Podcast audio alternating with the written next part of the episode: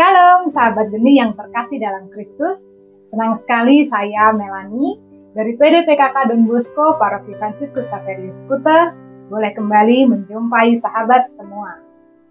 Hari ini Jumat 23 Juli 2021 kita akan bersama-sama merenungkan sabda Tuhan dari Injil Matius bab 13 ayat 18 sampai 23 dengan tema merawat tanah yang baik.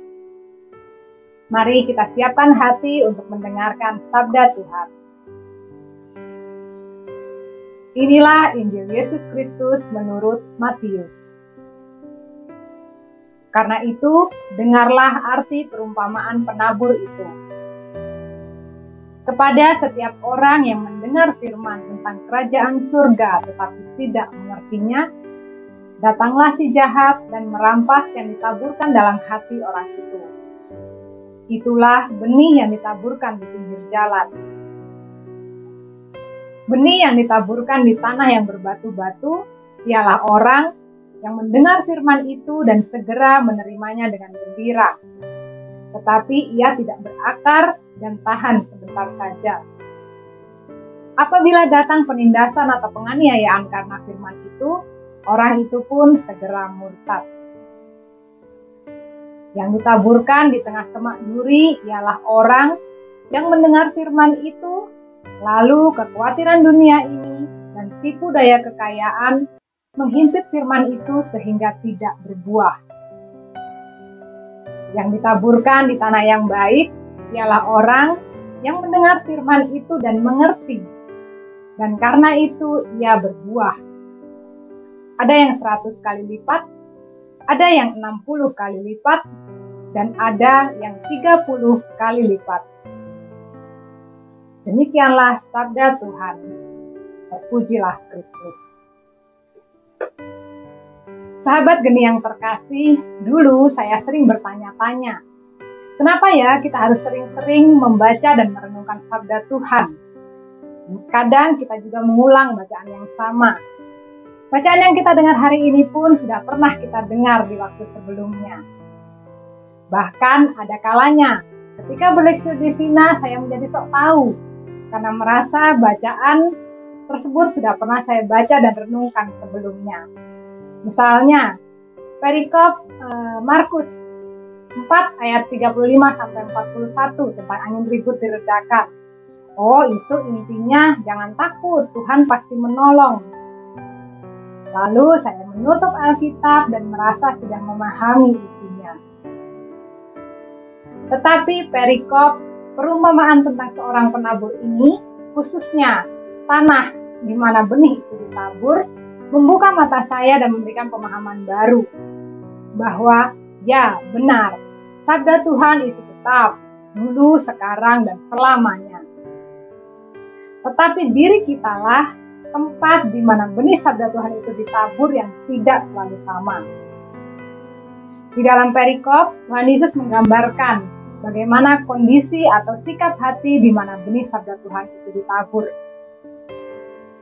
Kadang-kadang hati kita seperti tanah di pinggir jalan, menerima sabda Tuhan tanpa memusatkan hati dan pikiran kepada Allah, tanpa merenungkan, tanpa menghayati Mendengarkan hanya sambil lalu saja, sambil mengerjakan hal lain. Membuka handphone atau ngobrol dengan teman. Sehingga benih sabda Tuhan yang ditabur tidak dimengerti dan pada akhirnya hilang begitu saja. Kadang juga hati kita dipenuhi dengan batu-batu. Kita bisa menerima sabda Tuhan dengan begitu gembira, apalagi kalau yang membawakannya lucu dan menarik. Tetapi seperti sifat batu yang keras dan kedap air, sabda Tuhan yang diterima tidak diolah sehingga tidak membawa perubahan pada pikiran, perkataan maupun perbuatan kita. Benih yang ditabur bisa saja tumbuh, tetapi akarnya tidak merasuk sampai ke kedalaman. Sehingga pada saat penderitaan atau tantangan hidup datang, bukannya melakukan sabda Tuhan, kita bisa saja malah berlari atau bahkan murtad. Tanah yang berikutnya adalah tanah yang penuh dengan semak duri. Seringkali hati kita dipenuhi dengan hal-hal duniawi. Kita ingin sekali mengejar standar-standar dunia. kekayaan, kesuksesan, nama besar, prestasi. Sehingga hati kita dipenuhi dengan berbagai kekhawatiran, iri hati, hawa nafsu, takut kalau kalah dari orang lain, atau khawatir kalau apa yang kita miliki ini tidak cukup. Saat seperti itu, perhatian kita bukan lagi kepada Allah, tetapi kepada hal-hal dunia. Sehingga benih sabda Tuhan yang ditabur tidak bisa berbuah. Benih sabda Tuhan akan tumbuh subur dan berbuah di atas tanah yang baik, yang gembur, yang cukup air, yang kaya akan mineral. Maka penting untuk kita merawat tanah kita atau hati kita supaya benih sabda Tuhan dapat tumbuh subur dan berbuah. Berbicara mengenai buah, beberapa hari yang lalu saya mengikuti sebuah kelas pembinaan. Di situ masing-masing peserta diminta untuk melakukan leksio divina dengan perikop yang sudah ditentukan. Saya begitu takjub betapa sabda Tuhan bekerja secara luar biasa bagi masing-masing pribadi dengan cara yang berbeda setelah mendengar, membaca, dan merenungkan sabda Tuhan, seorang ibu memperoleh peneguhan akan keraguan-raguannya dalam pelayanan. Dan seorang ibu yang lain merasa dikuatkan untuk menolong dan merawat saudaranya yang saat itu terpapar COVID-19. Dan bahkan seorang bapak teringat akan luka masa kecil yang menyebabkan ketakutan akan hal-hal tertentu setiap benih sabda Tuhan yang ditabur akan tumbuh tergantung bagaimana kondisi tanah kita, tergantung bagaimana kondisi hati kita. Benih yang jatuh di hati yang terbuka akan menyentuh dengan sangat pribadi dan dapat berbuah peneguhan, pengampunan, semangat, kesembuhan, dan pada akhirnya membawa transformasi atau perubahan dalam hidup. Lalu bagaimana kondisi hati kita saat ini? Sudahkah hati kita menjadi tanah yang baik, di mana setiap benih sabda Tuhan yang ditabur dapat bertumbuh dan berbuah? Saudara-saudari, merawat tanah yang baik memang tidak semudah membaikkan telapak tangan.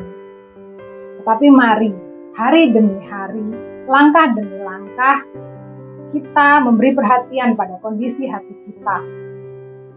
Dengan cara yang pertama, di tengah kesibukan kita, jangan lupa untuk meluangkan waktu mengarahkan hati kita kepada Tuhan. Hingga sabda Tuhan tidak lagi kita dengarkan sambil lalu. Dengan penuh penghayatan sehingga membawa transformasi pada hidup kita. Yang kedua, menyirami dan memberi pupuk atau makanan yang baik untuk hati kita dengan doa, sakramen, ekaristi, dan hal-hal yang baik lainnya. Lalu yang ketiga, kita juga perlu mengolah tanah kita, mencongkel batu-batu yang memenuhi hati kita, melepaskan kesombongan dan belajar menjadi lebih rendah hati. Juga mencongkel kekerasan hati kita dengan jalan pertobatan, meninggalkan dosa-dosa yang sering kita lakukan. Lalu yang keempat, jangan lupa juga untuk menyiangi semak-semak berduri di hati kita. Yaitu tidak lagi merasa iri hati dengan pencapaian orang lain, tapi belajar mensyukuri apa yang kita punya. Belajar merasa cukup, sehingga hawa nafsu tidak lagi menguasai kita. Dan juga tidak lagi merasa khawatir yang berlebihan, melainkan terus percaya bahwa Yesus selalu memelihara hidup kita. Dengan demikian, hati kita menjadi tanah yang subur, dan setiap benih sabda Tuhan yang ditabur dapat tumbuh dan berbuah limpah. Berbuah untuk diri kita, berbuah untuk keluarga kita, berbuah untuk sesama, dan bahkan berbuah untuk kemuliaan Tuhan. Amin. Tuhan Yesus memberkati.